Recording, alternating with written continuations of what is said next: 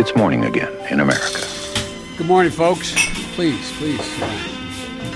Come on, let's go. Let's go get some coffee. Thank you very much. Det er tirsdag 25. februar, det er fire dager igjen til primærvalget i South Carolina, og morgenkaffen er servert. Vi har endelig de endelige resultatene fra Nevada, og de skiller seg ikke stort fra de vi hadde søndag kveld. Det ble altså Bernie Sanders, Joe Biden og Pete Buttigieg som plukket med seg delegater fra Nevada. Bernie Sanders på førsteplass med 46,8% og 24 delegater til landsmøtet. Joe Biden på 20,2% med 9 delegater, og Pete Buttigieg på 14,3% med 3 delegater. Grunnen til at Buttigieg får såpass mange færre delegater enn Biden, til tross for at de to er relativt nær hverandre i oppslutning, er at Buttigieg endte under 15 i delstaten som helhet, og derfor ikke kvalifiserer seg til å få en andel av delegatene som fordeles på delstatsnivå. I går deltok Pete Buttigieg i en streik sammen med et par hundre McDonald's-arbeidere og andre demonstranter i Charleston, South Carolina. De gikk rundt en McDonald's-restaurant på Spring Street i sentrum for å kreve 15 dollar i timen og retten til å danne en fagforening. Buttigieg gikk fremst i toget og deltok på tilrop som If we don't get a union, you don't get no peace. Amerikanskpolitikk.nos Henrik Heldal er på plass i South Carolina.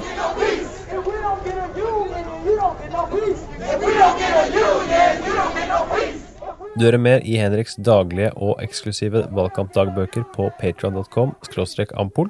Der får du tilgang for så lite som tre dollar. Da er det lydreportasje fra Henrik, altså, så det anbefales virkelig. Det meste handler om South Carolina, men om det ikke er South Carolina, så er det supertirsdagen.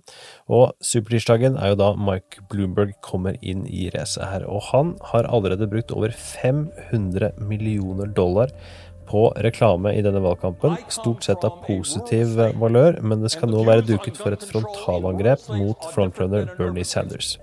Kampanjen har allerede publisert en video som angriper Sanders historikk på våpenlovgivning, og det skal være mye, mye mer på vei.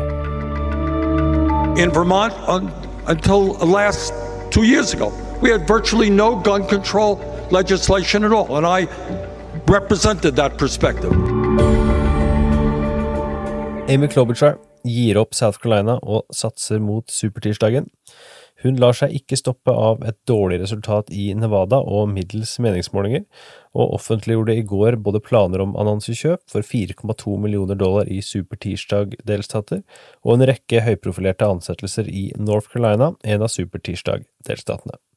Klobuchar skal tale på et arrangement i North Carolina på lørdag, og datteren hennes er nå på en todagers bussturné i Colorado, der demokratene også går til valgurnene på supertirsdagen. I helgen avholdt Klobuchar valgkamparrangementer i supertirsdagsstatene Arkansas og Oklahoma, samt North Dakota, som stemmer den 10. mars. Klobuchar trakk 1100 tilskuere i Little Rock og litt færre i Oklahoma City og Fargo. Hun satser dermed ikke i South Carolina, der hun er klar over at det står meget dårlig til, og mandag ettermiddag så ble det klart at Klobuchar kansellerer TV-reklamer også i South Carolina. Det har kommet flere målinger enn vi har eh, plass til, men i en ny måling fra Public Policy Polling så leder Joe Biden klart i South Carolina, den er tatt opp etter Nevada. Han får 31% oppslutning, mens Sanders ligger på 21. Warren får 8, Buttigieg og Steyer på 7, Gabbard 6 og Klobuchar 3 dette er å anse som en drømmemåling for Biden, og dersom Tom Steyer faktisk har falt så mye, så er det lys i enden av tunnelen for Joe Biden. Morning Consult slapp i går en nasjonal måling tatt opp etter kongesvalget i Nevada, som viser at Bernie Sanders fortsetter å hente oppslutning blant demokratene. Han ligger på 32% i denne målingen, opp 4 prosentpoeng siden Morning Consults forrige publiserte måling, som ble tatt opp i midten av februar. Etter Sanders følger Mike Bloomberg på 19% Joe Biden på 18 Etter disse følger Pete Buttigieg og Elizabeth Warren på 11% Amy Klobuchar på 4% Tom Steyer på 3 og Tulsi Gabbard på 2 Helt til slutt, i løpet av mandag så ble det klart at representant Jim Clyburn fra South Carolina kommer til å erklære sin støtte til Joe Biden i løpet av uka, sannsynligvis onsdag morgen, etter TV-debatten kvelden i forveien. Clyburn er en meget viktig figur i delstaten, og hans støtte regnes som helt sentral for Biden. Tidligere presidentkandidat Marianne Williamson på sin side dukket opp på et Bernie Sanders-arrangement i Houston, Texas på søndag, og erklærte sin støtte til den uavhengige senatoren fra Vermont.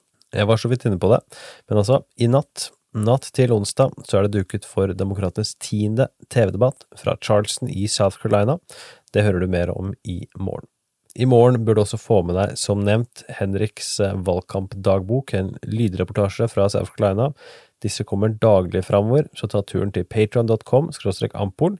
Og i denne første utgaven fra South Carolina så har han blant annet snakket med skuespilleren Susan Sarandon, som støtter Bernie Sanders. Dagens utgave av Morgenkaffen er servert av Sigrid Rege Gårdsvold og undertegnede Are Togoflaten. Tips gjerne andre som følger tett med på det som skjer i USA om denne podkasten, så vi kan nå enda flere.